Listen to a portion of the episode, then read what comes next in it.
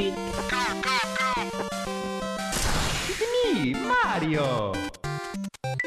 Control alt, delete.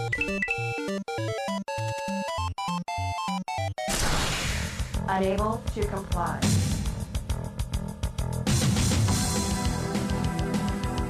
Unit under attack. Auto shutdown. Sequence in progress. Ready to serve, my lord. Hei, hei, hei, og velkommen til nok en glimrende sending av spill- og nerdemagasinet Kontroll Alt Delete. Vi skal være sammen med deg i to timer her nå på Radio Revolt FM 97,9. Og vi har masse flott spillestoff, masse bra mennesker, bra spillmusikk, bra musikk generelt, og det er bare å begynne å glede seg. Vi starter med Nerd her med Soldier på FM 97,9.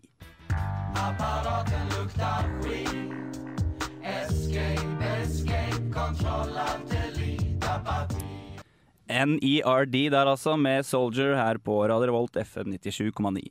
Du hører på Kontrolltelit, og de neste to timene skal vi ta deg gjennom et eh, spekter av herlig spillrelatert stoff. Det blir eh, retrogamer som vanlig, ukas gadget, vi har en spillmusikkspalte her som vi skal glede deres ører med. Eh, Khalid kommer inn i studio seinere og skal eh, ta for seg et spill som heter Borderland. Eh, men nå har vi altså Truls Istre og Erlend Kobro her i studio. Du kan si hei, Truls. Hei, hei. Det er hyggelig å ha deg i studio. Eh, vi får også litt sånn besøk i dag av en hemmelig gjest, en, eh, det vi kan kalle en ekspert. Mer om det kommer også seinere. Eh, bortsett fra det så skal vi prate litt om litt strategispill. Det er tørt innafor strategispillsjangerne i det siste. Veldig tørt. Og det har kommet ut, hva skal jeg si, ting man kan gjøre mens man går og venter da, på at de nye store Hva heter det? Ja spilla kommer ut innafor, innafor strategisjangeren.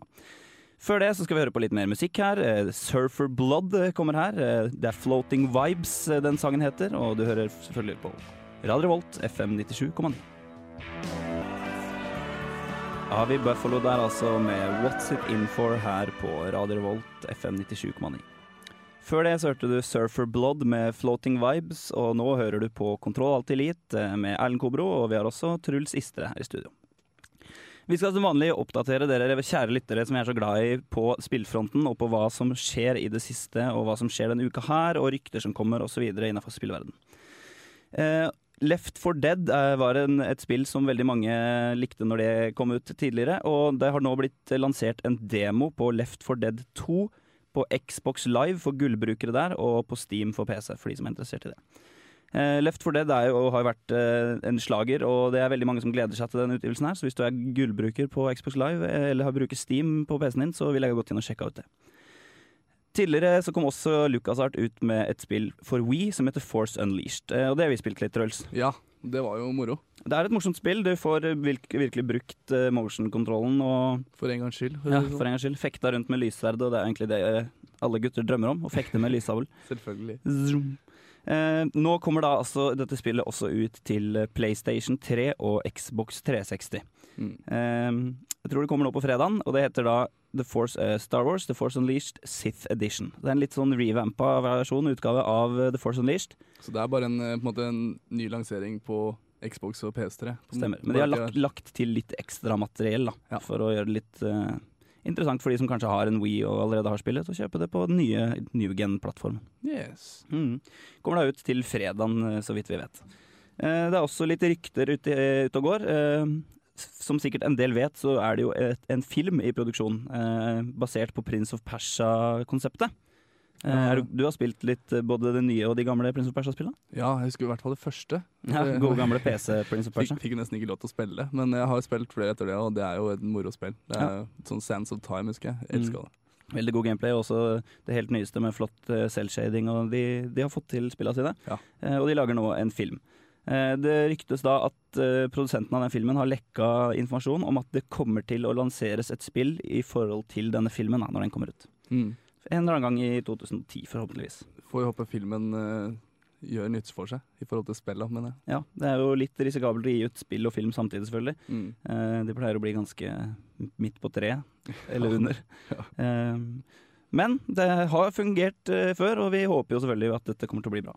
2010 kommer jo til å bli et godt eh, spilleår generelt, eh, forhåpentligvis, når da Blizzard får fingeren ut og gitt ut Starcraft 2 og kanskje til og med Diablo 3. Hvis de kommer i 2010. Ja, nettopp. Så det blir spennende å se. Eh, Det ryktes også nå at en oppfølger av det kjente skrekk-sci-fi-spillet Dead Space kommer. Eh, fortsatt altså bare rykter. Hvis du vil lese mer om det, så er det sikkert bare å ta et raskt Google-søk. Eh, helt på slutten skal vi fortelle at eh, et spill som heter Dragon Age eh, kommer nå i morgen, hvis du hører på i dag, og i dag hvis du hører på reprisa vår på torsdag. Vi, vi får unnskylde fra forrige sending, da sa vi at det kom på mandag. Men det var i Amerika, eller USA, da. Akkurat. Så det var annen slipp i Europa. Nettopp. Så Khalid Asam kommer nok til å ta for seg dette spillet, bruke en ukes tid på å sitte lost inn i kjelleren sin og spille det. Så får vi håpe at han har noe å vise dere neste onsdag, eller da torsdag. Eh, Vi skal høre på litt mer musikk her eh, før vi går videre på, på gamle, gode Disney-spill. Eh, Her får dere Clips Feet Cameron med Popular Demand. It's Retro Gamer! Kontroll Alt Delete gjør et dypdykk i spillverdens historie og presenterer spillklassikere fra gamle dager. Retro Gamer!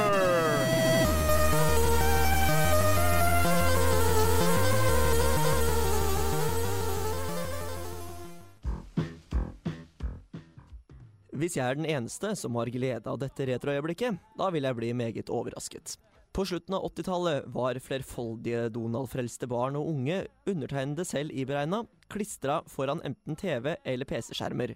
Ducktales var fenomenet som fantes både på Nintendo, Gameboy, svensk TV og data. Sabla tur du har från Anka, men jeg skal tilbake diamantgruven en gang for alle, og du skal ikke få beholde ett enda öre. Mitt første møte med Ducktales i spillformat var på Amiga 500 som en kamerat av meg hadde. Spillet starter med at Gulbrand Gråstein kommer stormende inn på kontoret til onkel Skrue og erklærer at han er møkk lei av å være verdens nest rikeste and. I løpet av 30 dager skal han og onkel Skrue reise verden rundt og bestige fjelltopper, slenge seg i lianer eller utforske dystre gruver. Du styrer enten de tre nevøene, Skrues niese eller alle sammen pluss Skrue selv.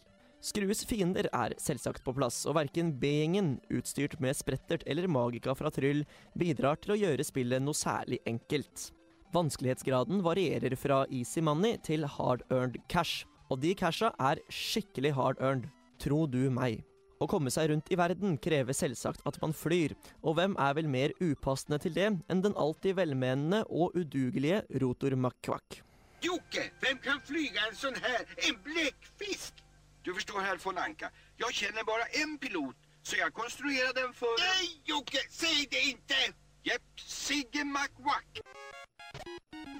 Nintendo-versjonen er et rent plattformspill, der man kun styrer onkel Skrue, som skal finne skatter i henholdsvis Amazonas, Transylvania, Afrikas gruver, Himalaya eller på månen. Her deltar verken nevøene eller noen av de andre karakterene aktivt i selve spillingen, men de dukker ofte opp nå og da med både nøkler og tips om hemmelige steder på spillet. I dataversjonen var man nødt til å unngå enhver form for konfrontasjon med fienden, men på Nintendo og Gameboy bruker onkel Skrue spaserstokken sin som hoppestokk, og kan på den måten ta rotta på alt fra aggressive gorillaer til hissige fjellgeiter. I motsetning til dataversjonen går ikke dette spillet på tid, men det finnes fortsatt tre vanskelighetsgrader, og er minst like underholdende og legendarisk som PC-versjonen, bare på en annen måte. Ja, kjære brødre, da har vi endelig fått jackpot! Bra talat, Big Bang. Det her er livet. Ja! Inga juvelstölder, inga bankjobb och inga fler uppdrag åt guldivar Flinthjärta. Ducktales er altså et spill som kan anbefales på det aller varmeste, uansett hvilken plattform du velger å spille det på. Det kan jeg stå for den dag i dag, fordi det er under tre år siden jeg sist runda begge spillene. For øvrig kan det opplyses om at serien for første gang så dagens lys i 1987, og bidro til å glede barn over hele verden i tre år, og vel så det. Lørdag var den kvelden da den norske statskanalen ble parkert av den svenske i det sørheimske hjem. Hvorfor? Fordi Ducktales skal være på svensk. Naturligvis. Du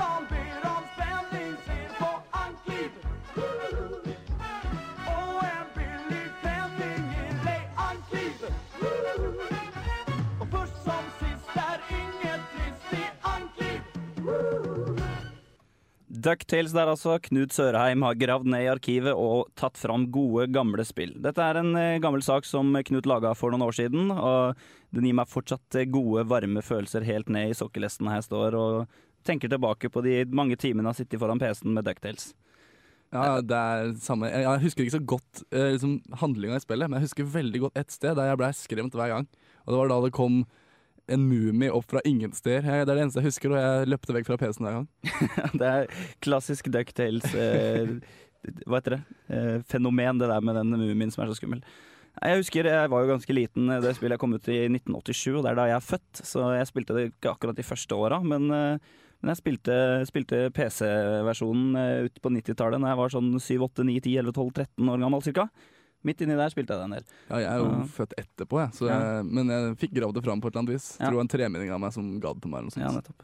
Eh, Jeg husker dette her med å fly rundt i verden. Jeg tror aldri jeg har runda det spillet. Jeg tror det var altfor vanskelig for den lille pjokken, eh, til tross for at, eh, at jeg syntes det var dritgøy. Ja. Men jeg husker vi drev og fløy det der flyene til Rotor McDuck og loopa og dodga stormskyer og, luftballonger og landa rett inn i låver og det ene og det andre. Det var rein skjær fest Det hele tida.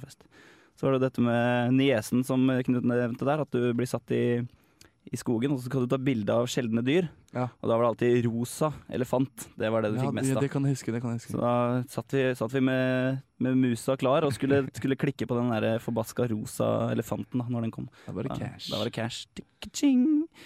Kjempemessig spill, altså. DuckTales. Hvis ikke du har testa det, så vil jeg bare google det og prøvd å finne en eller annen eh, Det går sikkert an å få tak i det på et vis, selv om det ikke er til salgs lenger. Eh, Men det er eh, god stemning, og særlig hvis du er glad i Disney og Donald, så er det klart at dette er jo en kjempe kjempetrivelig Hva heter det? Et kjempetrivelig spill. et kjempetrivelig en spill. Perle. En opplevelse, vil jeg faktisk kalle det. Ja. Mm.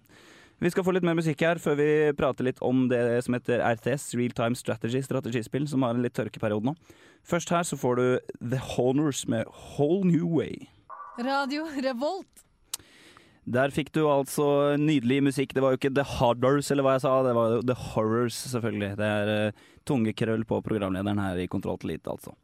Uh, som tidligere nevnt så skal vi snakke litt om uh, spillsjangeren RTS, eller Real Time Strategy, hvor det nå i det siste ikke har vært så veldig mye å skrive hjem om. Uh, Command and Conquer-produsenten, som har hatt mye trivelige eh, strategispill, har ikke kommet ut med noe etter Red Alert 3 i fjor. Eh, Blizzard har jo ikke kommet ut med noe på mange år. Eh, Nei. Der er det fortsatt Starcraft og Warcraft 3 som gjelder. Eh, Men vi kan jo prate litt om det òg. Vi kan Ja, ikke la de gode klassikerne ligge. Så vi har fått inn en hva skal vi kalle det, en ekspert i studio. Si hallo til Preben Sandvik. Hei, Preben. Hei sann. Hei, hei. Eh, hvordan, du, er, du er en Warcraft-spiller, altså. Til tross for at dette er et ganske gammelt spill, så holder du fortsatt uh, tritt med, med spillet. Kan ikke du fortelle oss litt om hvorfor du spiller det, og hva det er som gjør Warcraft 3 til et så bra spill? Jo, eh, jeg spiller Warcraft 3 fordi det er, eh, det er et veldig bra spill.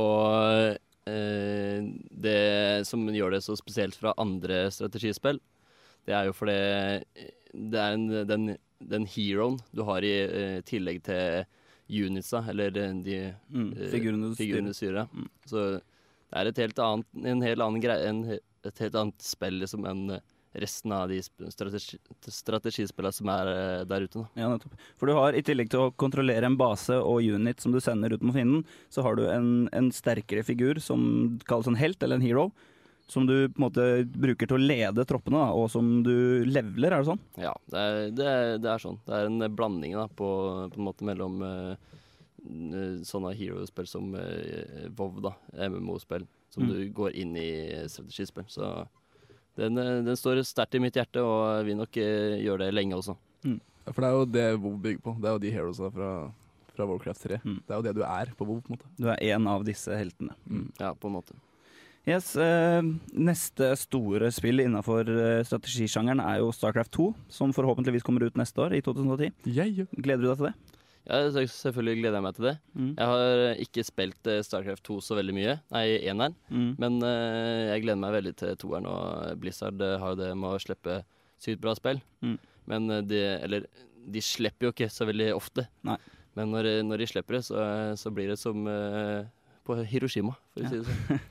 Hvordan kommer du til å slutte å spille Warcraft 3 når Starcraft 2 kommer ut? Kommer du til å gå over til Starcraft 2? Nei, det gjør jeg ikke. For jeg tror ikke det blir Det er, det er ikke det samme spillet. Du, det blir bare enda et du ligger, ligger, i sekken din og tar med deg hjem og spiller. Akkurat. Så du er for alltid en Warcraft-spiller, altså? Ja, det er. Det er, eh, det er mitt eh, Det er det spillet som ligger meg nærmest hjertet. Ja. Så det er det, du, det er det du håper på kanskje Blizzard tenker på å lage nytt? Ja, det, Warcraft 4, det hadde vært fantastisk. Det er nesten så du får litt grøsninger på ryggen når du snakker om det. Yes. Eh, Det som er mange bruker tida på nå, da, og går og venter på Starcraft 2, er at de spiller litt Starcraft 1, spiller litt Warcraft 3, og så spiller de det som heter UMS, eller Use Map Settings. da. Eh, det, er en, en, det er jo Du spiller Warcraft 3 eller Starcraft da også, eh, men eh, mappet, eller da kartet, er satt opp på en måte som gjør at du ikke spiller en vanlig, et vanlig game med to personer mot hverandre eller mer, med base og helt og unit og alt mulig, men det er en eller annen spesiell form for, for oppgave som skal løses. da. Du skal stoppe noen monstre fra å komme fra A til B. Du skal beskytte en borg med tårn eller med en, en hero som blir veldig høy level eller videre.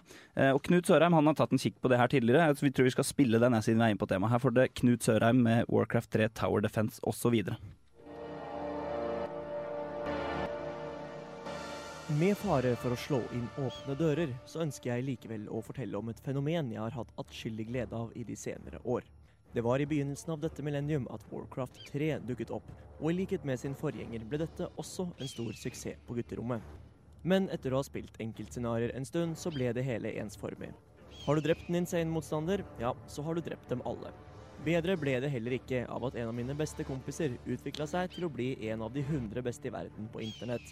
Og til tross for at han hadde 50% dårligere helse på folka sine, rakk jeg aldri å nå fram til bueskytterne hans engang. Nei, Warcraft 3 var på hell. Så dukket begrepet Tower Defense opp for meg. Dette ga Warcraft 3 en renessanse som fremdeles varer den dag i dag.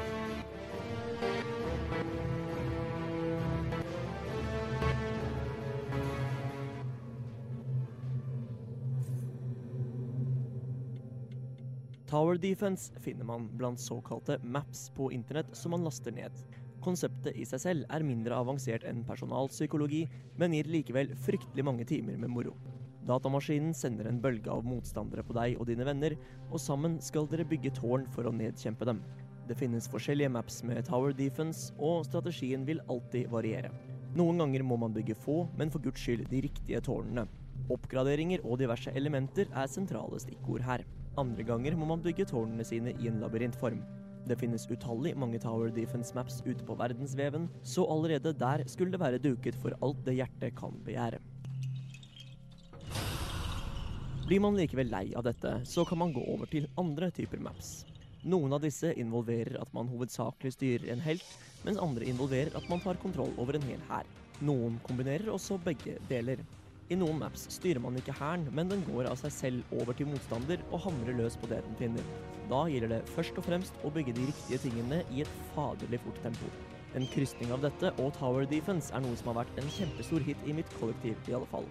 Vi snakker her om Line Tower War. I Line Tower War sender man av gårde massevis av folk som skal ta livet av dine motspillere, som i dette tilfellet er din hybelkamerat, kjæreste, eller kanskje en eller annen du tilfeldigvis finner på gata og tar med hjem. I likhet med Tower Defense må man bygge tårn og labyrinter for å stanse bølgene av alskens kryp som enten kommer flyvende eller løpende i full fart for å stjele en av dine sårt trengte titalls liv.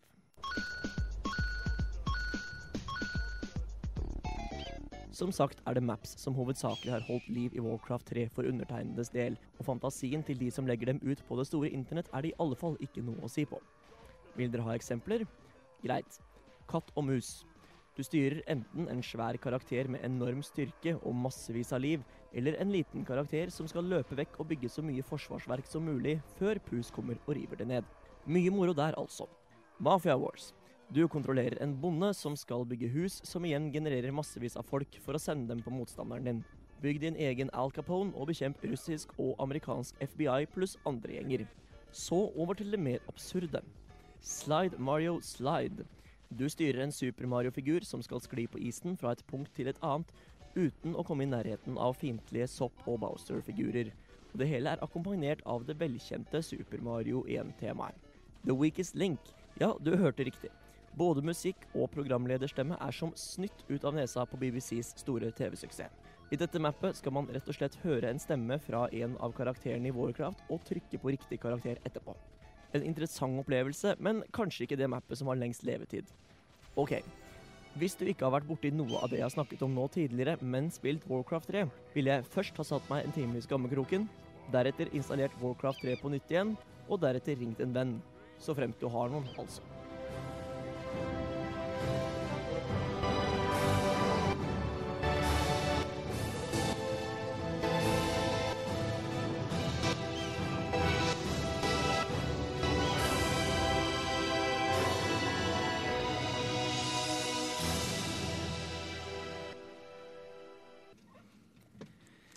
Det var altså Bear in Heaven med Lovesick Teenagers her på Radio Revolt FM 97,9.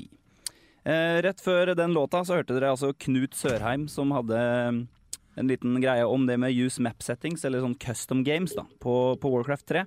Eh, noe vi syns er veldig gøy å holde på med, vi også, gjør vi ikke det? Vi har sittet i noen timer både med medprogramleder Truls her og med Warcraft-ekspert eh, Preben. Ja da, ja da. Sitter med litt uh, både Line Tower Wars og Tower Defenses og X-Hero Siege og det ene og det andre. Kan bare si Det er det jeg syns er gøyest med Warcraft 3. Jeg Ja. elsker jo custom games. Det er artig, det. Uh, og det er en, en gjeng med karer som har laga en av de mest kjente custom gamesa til Warcraft, som uh, har laga det som heter Dota Allstars. Det har vi også brukt en del tid på, ikke sant? Ja, veldig mye. Dota står da for Defending of the Ancients. Mm. Det går ut på at du beskytter et, eh, en relik, eller en bygning, i basen din. Et hellig tre, eller noe sånt. Ja, eller en, eh, en frossen trone, hvis du kjører det. Hvis du kjører den stilen. Ja. Um, og sender da Det blir automatisk sendt ut et visst antall uh, soldater fra din leir til motstanderens leir. Og det antallet møter da et likt antall med soldater fra motstanderens leir. I bølger. Det kommer I- nå og da, så kommer det nye. Nettopp. Uh, og du styrer da en helt, som vi har snakka om. Mm. Som du skal prøve å drepe motstanderens eh, figurer og helter, og gjøre det lettere for din base å, å ta knekken på fiendens relik, eller hellighet. Yes. Det som er artig, da, er at de som laga denne custom-greia her, de har fått så mye gode tilbakemeldinger og så bra på det at de har bestemt seg for å lage et eget spill. Og har holdt på med det i noen år. Eh, og i forrige uke så kom ut gratis på Ja. internettet dette Eh. spillet som heter League of, Le League of Legends, eller da LOL. Ja. Eh, og vi har, vi har faktisk det, Jeg fikk, eh, fikk nyss om at det hadde blitt lansert i går, så jeg har bare så vidt prøvd å spille. Det Det har du òg, Truls? Ja, eller jeg har, jeg har kikka litt, prøvd Mm. litt rann i stad. Det er jo det er veldig likt som Dota, for de som har prøvd det. Mm. Og ja, jeg, jeg gleder meg til å prøve det mer, da. Ja. For det så veldig gøy ut. Preben her også har jo fått, uh, fått litt uh, kikk på det. Han har fått veldig sansen for Dota i det siste, til tross for at han egentlig er en uh, Warcraft-strategispiller. Så um, hva syns du så langt, Preben? Om eh, det nye eller Dota generelt? Ja, Begge deler, egentlig. Nei, det var veldig moro. Jeg har spilt eh, noen eh, versjoner av Dota som var ganske ræv. Mm. Nå har jeg prøvd noen litt nyere noen som er ganske moro og ganske, ganske bra. Mm. Så jeg ser veldig fram til at vi skal nå egentlig hjem etterpå og spille den nye Dota, eller LOL. Ja. Som det, League of Legends skal vi få prøvd litt ordentlig nå. Det skal være sagt at Dota har gitt ut et utall med opp oppdateringer, og det er jo så mange forskjellige nå. Ja. Men de siste, det kommer jo alltid noen nye, men nå kanskje de slutter med det og lager hele sitt eget spill. da. Ja, nettopp. Det blir veldig spennende. Eh, det kommer eh, forhåpentligvis en anmeldelse på dette, League of Legends, eh, på Kontroll til Elite neste uke. Så da er det bare å sæle seg fast i stolen eh, onsdag fra fire til seks, eller torsdag fra tolv til to, hvis du har tid til det, og høre på det. Eh, en ting som jeg også kan nevne sånn helt på tampen, er at dette League of Legends bygger litt mer på det karakterbyggingssystemet. Du styrer altså en summoner, eller du er en summoner, Mm. som du oppretter en konto, som er da summoneren, som da går inn i disse enkeltkampene eh, og styrer en helt. Eh, og summoneren, altså deg sjøl, kommer da til å vokse i styrke og få flere muligheter for å utvikle magier og styrker og svakheter på heltene, ettersom du får mer erfaringspoeng osv. Og der altså blir det jo ranking, det blir jo på en måte ranking av hvor level du er. Ja. Så møter du da summoners som er på din eh, Ditt nivå. level, ditt Ja, nivå. Mm. Kult, altså. League of Legends eh, ligger på www.lol-europe.com. Der kan du gå inn og laste ned spillet helt gratis og spille det så mye du vil. Kjempebra. Her skal vi få litt mer musikk. Eh, De La Soul kommer med sangen La La La her på Radio Revolt, studentradioen i Trondheim, FM 97,9. Kontroll alt delete.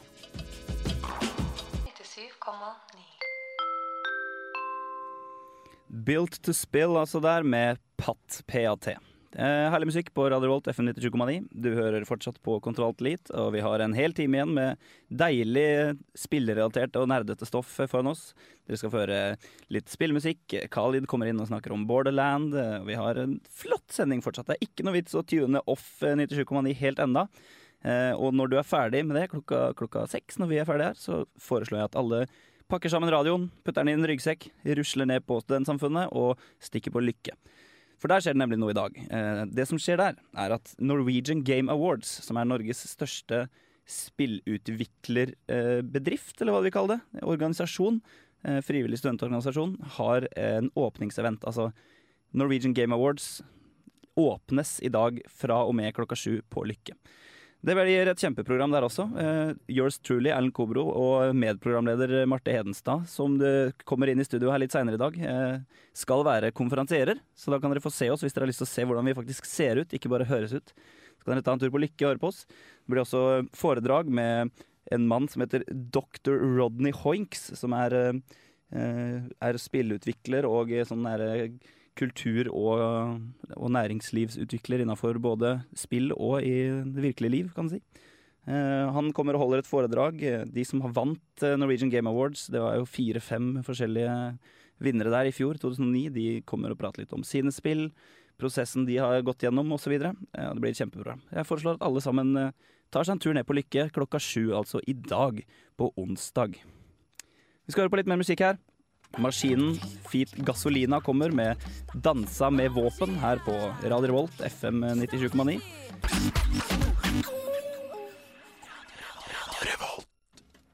Maskinen der altså, med 'Dansa med våpen'. Som tidligere sagt så er det NGA-event nede på Lykke i dag. Eh, Vi har fått besøk i, i studio av Marte Henstad, vår kjære medprogramleder. Hei sann, hei sann. Og hvis du har lyst til å se hvordan Marte ser ut, hun høres jo unektelig utrolig deilig ut. Eh, Oi, yeah. Wow. Og hvis du vil se om det er sant eller ikke, så ville jeg dratt ned på like fra og med klokka sju i dag.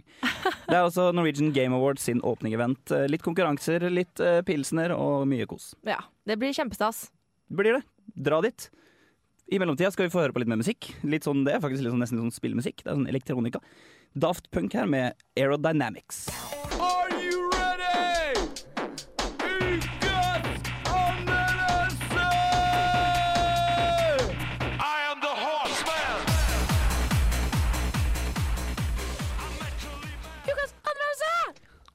Ja da, ja da, ja da. Da er det klart for ukas anmeldelse her i Kontrollflit på Radio Revolt FM 97,9. Og det er Khalid Azam eh, som har kommet seg inn i studio nå. Du kan si hei, Khalid. God dag, god dag. God dag, god dag. Entusiastisk som vanlig. Ja. Som har laga en greie med på et spill som akkurat har kommet ut, som heter Borderlands. Mm. Ikke noe mer å si om det. Vi kan egentlig bare kjøre i gang. Her kommer Khalid Azam med Borderlands.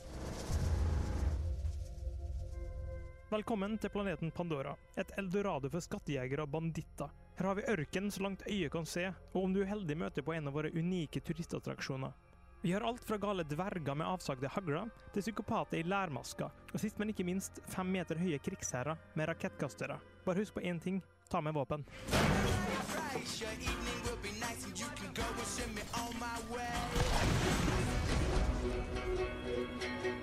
Gearbox nye storsatsing Borderlands er et av tidenes mest eklektiske spill som henter inspirasjon fra omtrent all kultur mennesker har produsert siden 1300-tallet. Og alt smelter harmonisk sammen til det som mest sannsynlig vil bli huska som et av 2009s beste spill.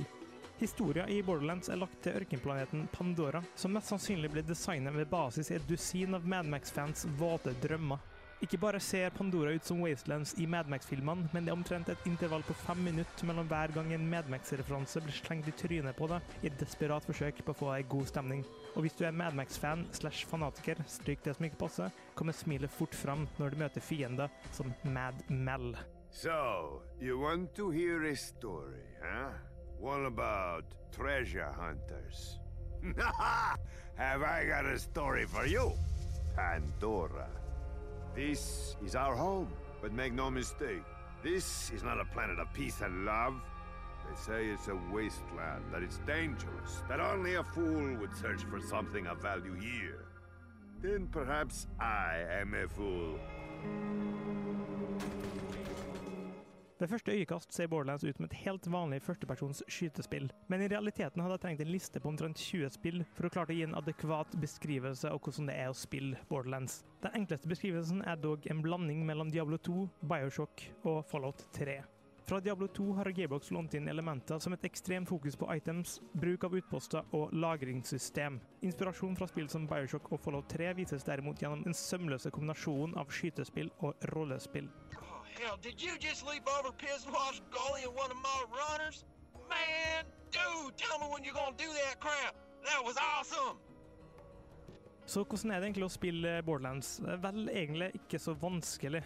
Du reiser rundt i en relativt åpen verden og fullfører oppdrag som involverer de typiske arbeidsoppgavene som drep, finn og ødelegg. Og mengden og designet på disse oppdragene her er veldig likt det man finner i spill som World of Warcraft og Warhammer Online.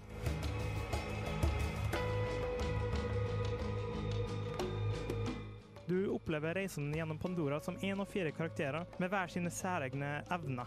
Men det viktigste i Borderlands er våpen.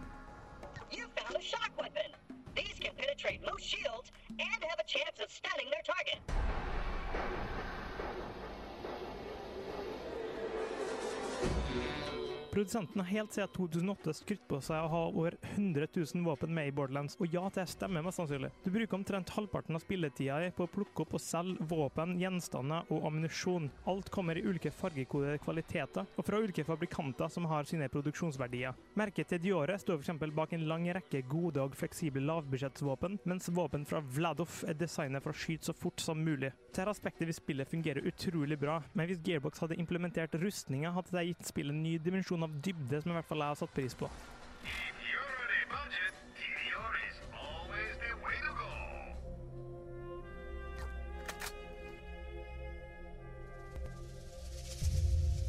Det er omtrent umulig å forklare hva Borderlands egentlig er og føles som, men hvis du ser for deg tradisjonelle hack and slash-elementer kombinert med moderne elementer fra moderne skyte- og rollespillshybrider, så vil du ha et godt utgangspunkt for å forstå hva dette dreier seg om. Spillet er ikke perfekt og har enkelte problemer og svakheter, som at det f.eks. hviler på en veldig repetitiv formel, eller at man ikke kan ødelegge omgivelsene. Og selv om jeg har en lang liste med kritikk, er det noe med Borderlands som gjør at jeg glemmer alt det negative med en gang jeg setter meg ned med det. Og det må da bety noe. Borderlands altså der, Khalid. Mm. Det her høres jo veldig bra ut. Det hørtes veldig bra ut. Jeg hadde veldig store forventninger, og de har vel eh, blitt møtt ganske greit. Jeg fikk ikke det jeg hadde håpa å få, eh, men jeg fikk eh, noe veldig forskjellig som var minst like bra som jeg hadde forventa. Så kult. Du har jo tidligere fortalt at du har et problem med at du ikke lar deg underholde av spill lenger. Eh, kanskje fordi du har spilt så mye MMO. Visse spill, Ja, ikke- visse spill. ja. Men dette her er altså god underholdning for en mann som deg? Av Ja. ditt kaliber? Ja, altså det er eh, i, i måte, altså Hvis jeg skal kategorisere underholdningsmessig sett, så vil jeg si det samme som Diablo 2. Det er et uh, itemjag Mm. uten uh, like. Og det, når jeg spiller det, så har jeg det hyggelig. Men når jeg slår av spillet og tenker på ok, hvorfor spiller jeg spillet, her, så klarer jeg måtte ikke å argumentere for hvorfor jeg bør- spille mer av det. Men det er morsomt å spille. Eh, veldig rart, egentlig. Ja, sånn er det jo ofte med spill. da. Du sitter der og koser deg gløgg i hjel i noen timer, og så bare blir du litt lei, og så skrur du av, så tenker du sånn Hvorfor var det noe gøy? Ja, jeg hadde i hvert fall gøy når jeg holdt på. Mm. Og det er vel egentlig det, i hvert fall for min del, da, som spill handler om. At eh, du trenger kanskje ikke å ta så mye av livet ditt, akkurat eh, bortsett fra når du har lyst til å få litt enkel underholdning. Men altså, som sagt, altså, kort sagt så er det, det skytespill, førstepersons, satt i en Mad Max-verden med Diablo-mekanikk og loot og så videre. Og, så videre. Okay. og har skutt veldig opp i skyene, og jeg vil anbefale til alle. Men det er visse ting som jeg ikke liker så veldig godt med det. Okay. Og først og fremst så er det det at de har veldig mye bruk av sånn eh, gamersjargong på en måte som virker veldig tåpelig. Um, sånn som eh, navn, altså loot, fat loot, epics, elite, sånn typiske gamegrep blir brukt på en sånn veldig nesten patroniserende måte. Som blir uh, veldig rart. Konstant, hvis du, hvis du får en critical hit, så er det wow, crit! Okay. Og det blir en sånn overdrevet in your face. Du, du føler på en måte at spillkarakteren er en gamer? Altså, han, han, er en, han er en casual gamer som prøver på en måte å leve seg inn i nerdeverden. Altså, det blir sånn som hvis du jobber for, på et kontor, og så finner sjefen din roffelkopter, og så skal han liksom begynne å være kul med roffelkopter som er ti år gammelt. Ja. Det blir litt den feelingen der, da. Ja, nettopp. Jeg skjønner. Uh, har du lyst til å gi en karakter til Borderlands, Kalin? Ja, snill i dag, jeg gir en M. Du gir en M. Mm. Det er jo en god karakter, i hvert fall fra en kresen kar som Kalin. Eh, jeg har jo sjøl spilt en del eh, både Fallout og prøvd litt Bioshock, og syns det er bra på titler. Mm. Diablo 2 er jo enestående i, i sin verden. Eh, men det er et førstepersonsspill, bare så jeg forstår det riktig. Ja. Så det er et førstepersonsspill, og det er itemjaget da, som driver deg videre. Som Mm. i så mange andre spill. Men det er også litt character building. Ja, talents og lignende. Ja, kult. Eh, Borderlands, altså. Det, vi har jo slutta å si løp og kjøp, så vi kan vel heller kanskje si Gå og kjøp. Stikk og få tak i det. Eh, uansett, dere skal få litt mer musikk her på Radio Volt. Her kommer Darwin Dees med Radar Detector.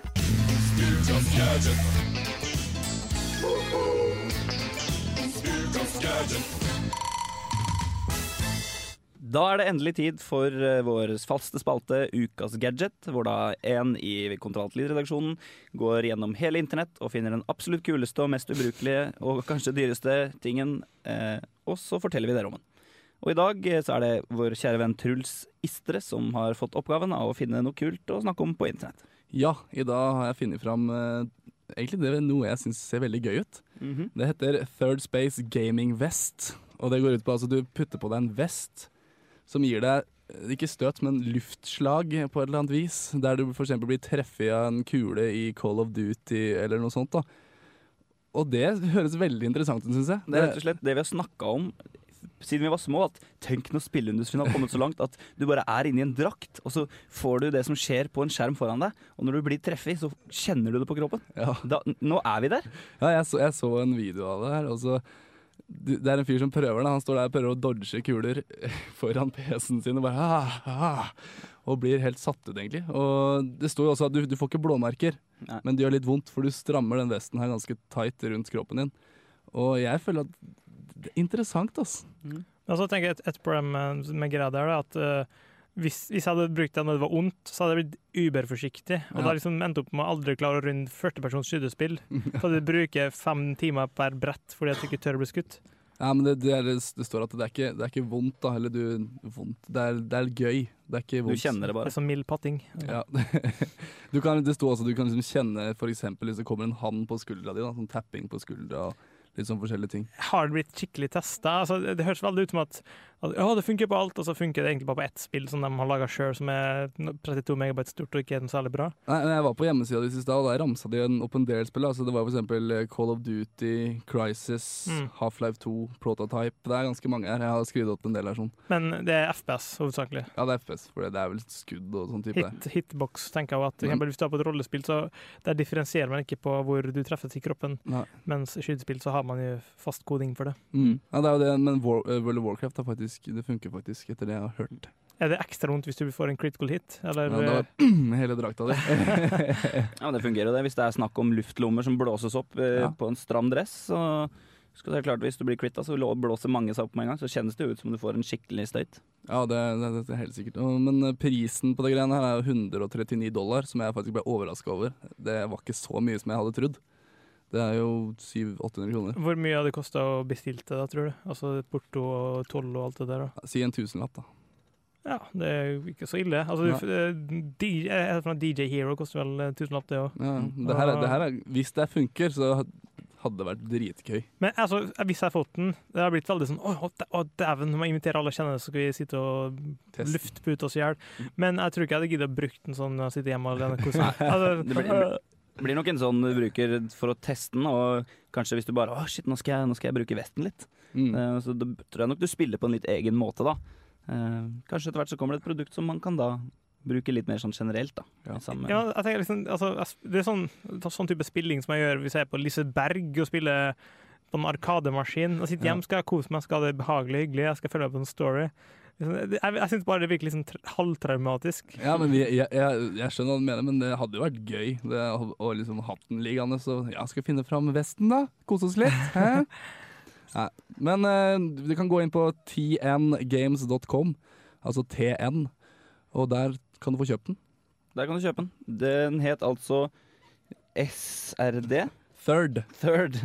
Third Sport Third Space Gaming Vest heter den. Og hvis du kjøper den, ta kontakt med Kontroll til Elite, og så kan vi Snakke. se om vi kan få testa den litt. Ja.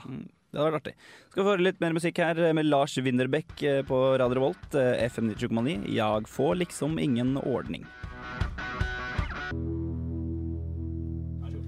Det var Lars Winderbeck der altså, med 'Jeg får liksom ingen ordning' på Radio Revolt FM 97,9. Du hører på Kontroll Elite. Vi nærmer oss slutten av sendinga. Bare en liten halvtime igjen. eh, Men vi har fortsatt litt eh, interessante ting å snakke om. Eh, Vi skal få høre på litt eh, spillmusikk. eh, Beklager. Eh, Men først av alt så skal Khalid fortelle oss om en ny greie innafor Xbox Live-miljøet. Mm. Ja, Xbox Live, eller XBL som det også blir forkorta som, har um, kommet med en beta. En beta-trial som eh, visse heldige kan bli valgt ut til å få delta i. Okay. Og det er kanskje folk som tenker ja, men beta hva da? Er det bare samme sak? Men det handler om eh, nye funksjoner som skal bli lagt til. Eh, vi vet f.eks. at eh, Project Natal er på vei. Og det vil jo medføre seg sikkert veldig mye sånn eh, kommunikasjonsprogrammer osv. Um, l- sikkert noe Facebook-aktig, eh, hvis ikke Facebook. Så det er rett og slett masse nye eh, program til eh, Xbox eh, Live som Mm. må testes. Og folk som tester det, de får en liten litt privilegier, eller skal for, en belønning. Og det er at ved å bruke litt lignende som Chess har, mobilselskapet, desto mer du måtte du roter rundt på hjemmesida deres, desto mer poeng får du. Og hvis du betaler regningene sjøl, så får du også poeng. Og ved å delta i betaen og gjøre diverse ting, så får du poeng som du kan bruke til å kjøpe spill med, rett og slett. Rett og slett. Snakker vi da om sånne små spill eh, til en femtilapp, eller snakker vi om store blockbuster-spill? Nei, du må vel akkumulere. altså det er vel samme, De, de har jo sitt valuta fra før. Mm. Uh, at uh, Are har vel brukt Microsoft litt mer Microsoft Points, eller hva ja. det heter? Ja. Og ja, du får Microsoft Points, rett og slett. Så hvis du holder på lenge nok, så Kan du kjøpe noe dyrt og flott? Ja. Så, så er, de skal gjøre det om til en slags mer sånn community, kanskje? Ja, det, altså det skal sikkert være litt mer uh, PC-aktig. Altså, at det, du kan gjøre alt med den, ikke bare spill. Mm. Det er jo de er glad i det, disse konsollprodusentene. De skjønner at spillmarkedet det er uh, melka ganske greit. Det er mulig å tjene mye penger på det, men skal du få in the real cash, så må du utvikle konsollen din og plattformen din til å kunne gjøre noe mer. Så We har starta med We Fit og trening og masse forskjellige artige familieleker, og nå kommer jo da tydeligvis de andre produsentene etter med litt mer sånn hva heter det, networking-muligheter, Facebook osv. Eh, forskjellige applikasjoner. Cuntbook. Antisosialt verktøy som eh, Truls eh, drev og rota mest i. Jeg fant det i stad på Stumble. Det var veldig morsomt. Ja. Nok om Cuntbook og Xbox Live. Vi får høre på litt mer musikk her før vi drar det helt ut. Eh, Her kommer Carbo Hydro M. Ja, med Let the Pain Out. Let the Pain Out der altså med Carbohydro M. Grunnen til at ikke jeg skjønte helt hva det her var for noe, og, og snøvla litt, var at dette er jo faktisk spillmusikkinnslaget vårt i dag, Kalin. Det hadde jo ikke kjære programleder Erlend Kobro fått med seg. Han er jo litt, eh, litt surrete i pappen. Eh, Men dette her er altså Jeg hører jo at det er litt sånn James Bond-feeling over det. Ja, Kan ikke du fortelle oss hva dette er du har funnet fram? Eh, Det her er en artist eh, fra Frankrike som heter for Christopher Blondel, som lager veldig mange remakes. Han har laget alt fra Megaman til Mario til Mario Kart til Selda og alt mulig. Og en av hans siste fem låter var um, Let the Pain Out, som er en Golden Eye 64-remake. Altså Kjenningsmelodien til eh, Bond, altså den fra filmene, er med, men måtte det komposisjonen er fra spillet. Nettopp. Og det er hans uh, typiske signatur-remake-stil, som er uh, punk-rock-aktig, Mm. med litt mar markert skarp. Han er veldig glad i skarptromma si, har jeg merka. Og han er en veldig hyggelig fyr. Jeg sendte han en mail en gang og spurte han om vi kunne bruke musikken hans i programmet vårt. Mm. Og det kunne vi selvfølgelig gjøre, så da ble han veldig glad. Og så en gang så donerte jeg ti dollar til han, for at han skulle holde, opprettholdt sida si, og da ble han superglad og sendte masse mail og takka og ga meg VIP access og alt mulig. Yes. Så han er en veldig hyggelig fyr. Du kan finne på altså Hvis du googler Karbo, sånn som i karbon uten N, Karbo, Hydro, og så M. M som i Martin. Karbo Hydro M. Da kommer du hjem til nettsida hans, hvor du kan laste ned all musikken i både flakkformat og eh, MP3-format. Og du finner sikkert rundt 50 remixer. Um, det som er litt artig, er at kvaliteten blir bedre og bedre. Står, hvis vi hører på den første remaken, så er den ganske dårlig. Da måtte han begynt å lære seg å bruke eh, trommemaskin og så- eh, trommeprogram osv. Mm. Men de siste har eh, vært av ganske godt kaliber. For sånn. Ja, jeg syns dette er var bra. Eh, Jeg er jo også veldig glad i Golden Eye på 1964. Jeg Spilte det i mange timer i kjelleren til Marius, kameraten min på barneskolen. Satt med bitte liten TV og split screen og mysa, da. Ja, han, eh, Truls hadde jo eh, i forrige sending en liten eh, diskusjon om Golden Eye 64. Og da kommer jo, altså det, det vi husker mest med Golden Eye 64, er jo akkurat det med skjermene. Mm. Det at det var multiplayer, og det var små, gamle, utdaterte TV, og fire stykk som delte på den. Mm. Og liksom, det, var, det er det som vi måtte vil gå ned i, tre i historie. Det, det er det som stikkordet med Golden Eye. Det er Ja. split screen. Ja, for det, det vil jo ikke skje nå, sånn som vi sa sist gang. Det, det skjer jo ikke at vi splitter screenen mer. Det, det er bare dritt, det. Ja, altså, det var, altså Andre spill har splitta screen, men det måtte det Golden Eye Ja, som, vi, som, vi, som var godt nok til å gidde å splitte screen. Mm. Jeg husker vi satt og, satt og spilte på den bitte lille TV-en med fire skjermer, og hadde laga regel om at det ikke er lov til å kikke på de andre sin, sin firkant. Så kan du tenke deg hvordan det blir når det er fire, fire sånne prepubertale guttunger med masse sinne og hormoner skal drive og, og anklage hverandre for å ha juksa på, på Golden Eye. Da blir det blodig, altså. Mm. Så det var trivelig. Eh, Et godt spill, en bra låt. Jeg likte den godt, Kalin. Eh, Du er jo som vanlig en mester på å rote rundt i arkivet og finne bortgjemte skatter, eh, og faktisk nå også hatt kontakt med artisten. Mm. Så det er litt kult. Eh, hvis noen her eh, f.eks. har eh, en sang som de syns vi burde spille, en spillemusikksang, så, så foreslår jeg at dere sender oss en mail på nerd.krøllalfa.radiorevolt.no. Eventuelt så kan dere sende en SMS til, eh, med kodeord RR til 2030. Da blir vi veldig glad. Så skal vi forhåpentligvis klare å oppfylle ønskene deres. Hør på litt mer musikk her før vi nærmer oss helt slutten av programmet. Det Modest Mouse kommer her med Autumn Beds. Det var eh, Modest Mouse med Autumn Beds der eh, helt på slutten her i Kontroll til på FM 97,9. Vi har fått Are Fjørtoft inn i studio helt, eh, helt på tampen her. Hallo, Are. Hei, hei. Eh, Og du har eh, en liten ting du hadde lyst til å ha med helt før vi avslutter i dag. Ja, for jeg syns det er så flott når eh, folk, folk som lager nye spill, og sier ut mye annet, da. Blant annet så var det vel et online-spill her som lagde bare en sånn flashspill, bare fordi de syntes det. Ja, ja, men det må vi prøve. For å promotere folk til å kjøpe spillet deres, melde seg inn i communityen og hele pakka.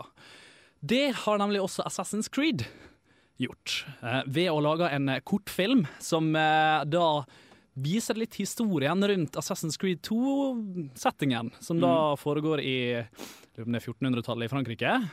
I Italia. Ja. Noen vil jo kanskje tro at ja, ok, de har laga en sånn kortfilm, de har animert og eh, bare klippet fra det de egentlig har i spillet. Nei da, de har, inn, eh, de har leid inn ekte skuespillere. Lagt på et sånt herlig, litt sånn ah, digitalaktig filter, så alt ser veldig bra og pent ut. Men du ser at det er ekte folk som faktisk skuespiller og driver og løper rundt. I tillegg til det så merker du jo faen, disse her folka leid en parkourmann, for det er jo det Assassin's Creed handler om. Hoppe rundt på bygninger, klatre, klatre, styre, stjele. Uh, og det har de også gjort i denne filmen her. En kortfilm, rett og slett. Og, og slengt med actionscener og fortalt litt om historien til, uh, til Assassin's Creed Lineage. Kult. Uh, jeg prøvde å få tak i et lite klipp her. Jeg er ikke helt om, uh, sikker om lydfila mi funka, men vi kan jo prøve. Prøv å høre her, da.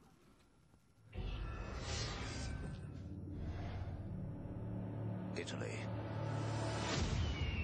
15th century. The age of Renaissance. A time considered to be the rebirth of man. Yet behind humanity's expanding consciousness, a movement was taking place. A conspiracy by one corrupt family to overthrow the powerful Medici dynasty and destroy a unified Italy. There were still some who fought for justice and followed an ancient creed.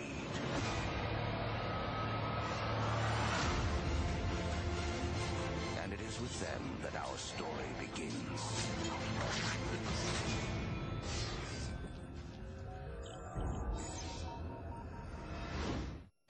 Ja, og eh, Assassin's Creed eh, har virkelig kjørt på med, med penger og med skikkelige skuespillere og eh, gode effekter og parkourmennesker, rett og slett, og laga en kortfilm på 14 minutter. Og det beste av alt, det er del én. Den har allerede vært ute på YouTube en liten, en liten måned. Jeg oppdaga den først i går, og jeg tenkte hva i alle dager, hvorfor har jeg ikke oppdaga den først i går? Og da så jeg hele del én på 14 minutter, selvsagt på assassinscreed.com eller på YouTube, hvis du foretrekker der. Og så oppdaga jeg en annen veldig grei ting. 5.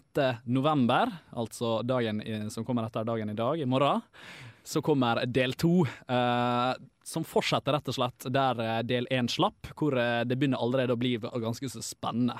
Eh, hvor lenge de skal holde på, det har jeg ikke funnet ut. Om det er siste episode, episode to, eller om det er én av ti eller én av tre. Det vet ikke, rett og slett. Men eh, det som er definitivt eh, du har tida til nå, det er å rett og slett gå hjem og se den på YouTube, og glede deg til i morgen, for det er en jævla kul film. Så bra. Stilig her helt på slutten. Altså eh, Assassin's Creed kortfilm mens vi gleder oss. Eh, og det er jo noe vi gleder oss veldig til. Eh, når Assassin's 2 kommer ut, kommer vi til å sitte spikere alle sammen. Vi begynner å nærme oss veldig slutten her og skal ha en liten låt til før vi runder helt av. Eh, her får dere Lupe Fiasco med Fire. That was wonderful. Bravo! I loved that. Oh, it was great. Well, it was pretty good. Well, it wasn't bad. Well, there were parts of it that weren't very good, It though. could have been a lot better. I didn't really like it. It was pretty terrible. It was bad. It was awful. It was terrible. Get him away! Hey, boo! Boo! What are you gonna do? Control, motherfucking control, all delete, man. Det var altså Lupe Fiasco med Fire der. Eh, Deilig hiphop, eh, syns, eh, syns Erlend Kobro i hvert fall, programlederen her. Du hører på Radio Revolt, FM 97,9, og det er Kontroll til som nå nærmer seg veldig slutten. Vi har tidligere i programmet prata om at Norwegian Game Awards har en event i dag, på Lykke altså. Eh, Det er at eh, jeg kan forklare for dere som nå har tuna inn eh, i det siste nok en gang. Dette er da en frivillig organisasjon som heter Norwegian Game Awards, som deler ut en del titalls tusen penger til unge og lovende individuelle spillutviklere i Norges land og rike. En del tidligere det, tidligere vinnere kommer på besøk nede på Lykke i dag fra og med klokka sju. Og skal snakke litt om prosjektene deres, hvordan det har gått for de etter at de har vunnet priser. Hvordan de har begynt å utvikle spillet sitt ferdig, eller videreutvikla det, eller begynt å utvikle nye konsepter. Eh, Det kommer også et par foredrag fra noen store karer, annet en av hovedfolka, hovedhjernene bak eh, The Gathering, som er Norges største LAN-party. Eh, Og også en, en amerikansk, jeg tror han er amerikansk eller engelsk eh, doktor, professor i eh, interaktivitet og kultur og samfunn. Du veit liksom at eh, når du har doktorgrad i akkurat det, da har du sittet og spilt jævlig mye Vov og fått betalt for det. ja. Det er sikkert, ass. Så han, eh, han kommer og holder et kort eh, foredrag, og det er da meg, Erlend Kobro og Marte Edenstad, som var så vidt innom her i stad, som skal være konferansierer. Så jeg vil i hvert fall oppfordre dere, hvis dere ikke har noe bedre å finne på, til å pakke sammen og stikke ned på Lykke klokka sju. Det er helt gratis. Så det er mulig å kjøpe litt pils og en kakebit og sitte og kose seg og høre på. Hvis dere mangler en grunn, så er jo den beste grunnen at du får sett Erlend og Marte live. Ja. Endelig. Ja, endelig. Det er ikke så veldig mange som har fått æren av, men uh, du kan være en av de. Stikk ned på Lykke klokka sju, altså. Det kommer til å være et par timer. Ja, og Du får sikkert jævlig mange gode tips hvis du faktisk sitter med en liten spilldesigner i magen. Det må jo være, Du kan jo begynne å skape idol rett og slett med å møte opp her og sånn 'Å, fy faen, han der har jeg lyst til å bli som'. Og da følger du i hans fotspor ved å programmere og designe og tegne og hele pakka. Det, det er jo en fantastisk event som kommer til å skje ned på, ned på Lykke på Samfunnet. Ja. Kan også røpe såpass at det kommer til å være en bitte liten sånn eh, tøysekonseptkonkurranse som vil bli utgitt premie på allerede i dag. For alle de som eh, møter opp, da. Så det kan bli spennende. Er det mange penger i den premien, eller? Det tror jeg ikke det er. Det er nok eh, kanskje en nøkkelring eller et eller annet. Oh, sånt fancy. Den står NGA på, Ja. Vinner av årets tullepris. Nei, det er ikke tull. Det er bare sånn en mini- minikonseptkonkurranse, så vidt jeg har forstått. Eh, ellers så foreslår jeg at dere går inn på Radio Revolt sine nettsider og hører på streamen vår, hvis dere ikke har gjort det, og stikker inn og sjekker der. Der kommer også litt sånn anmeldelser og, og lokalt eh, nyttig stoff. eh, sakte, men sikkert eh, trutt og kraftig ut på, på weben. Eh, ta en tur innom der. Og hvis dere er interessert i å laste ned podkasten vår, så finner dere den der også.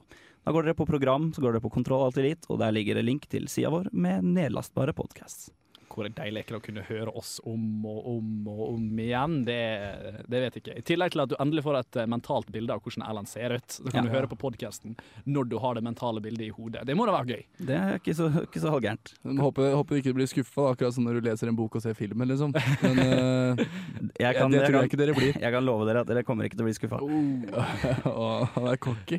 Eh, ellers så må vi begynne å runde av her. Vi har jo også prata om dette med LOL, eller League of Legends, som da kom ut denne uka her, og er en uh, produksjon av de som står bak Dota Allstars, The Warcraft 3. Uh, gå inn på www.lol-europe.com og last ned det helt gratis og spill det. kommer en anmeldelse det forhåpentligvis neste uke. Uh, og det kommer også en, eh, en anmeldelse eller to fra Khalid om nye spill. Khalid, hva heter han? Dragon Age Origins. Et av spillene du gleder deg mest til i år, er det ikke det? Uh, gleder meg mest til i 2000-tallet. Ja. Så det blir veldig bra. Vi gleder oss til neste uke, altså. Hold kanalen på. Etter oss nå så kommer Tata Grinden, hvis dere hører på oss. Eh, vi får takke teknikeren vår, Palli. Vi får takke Are. Vi får takke Khalid. Vi får takke Truls. Jeg heter Erlend Kobro. Vi får takke Warcraft-spesialisten vår, Preben Sandvik. Her får dere Shrine Builder med Blind for all to see.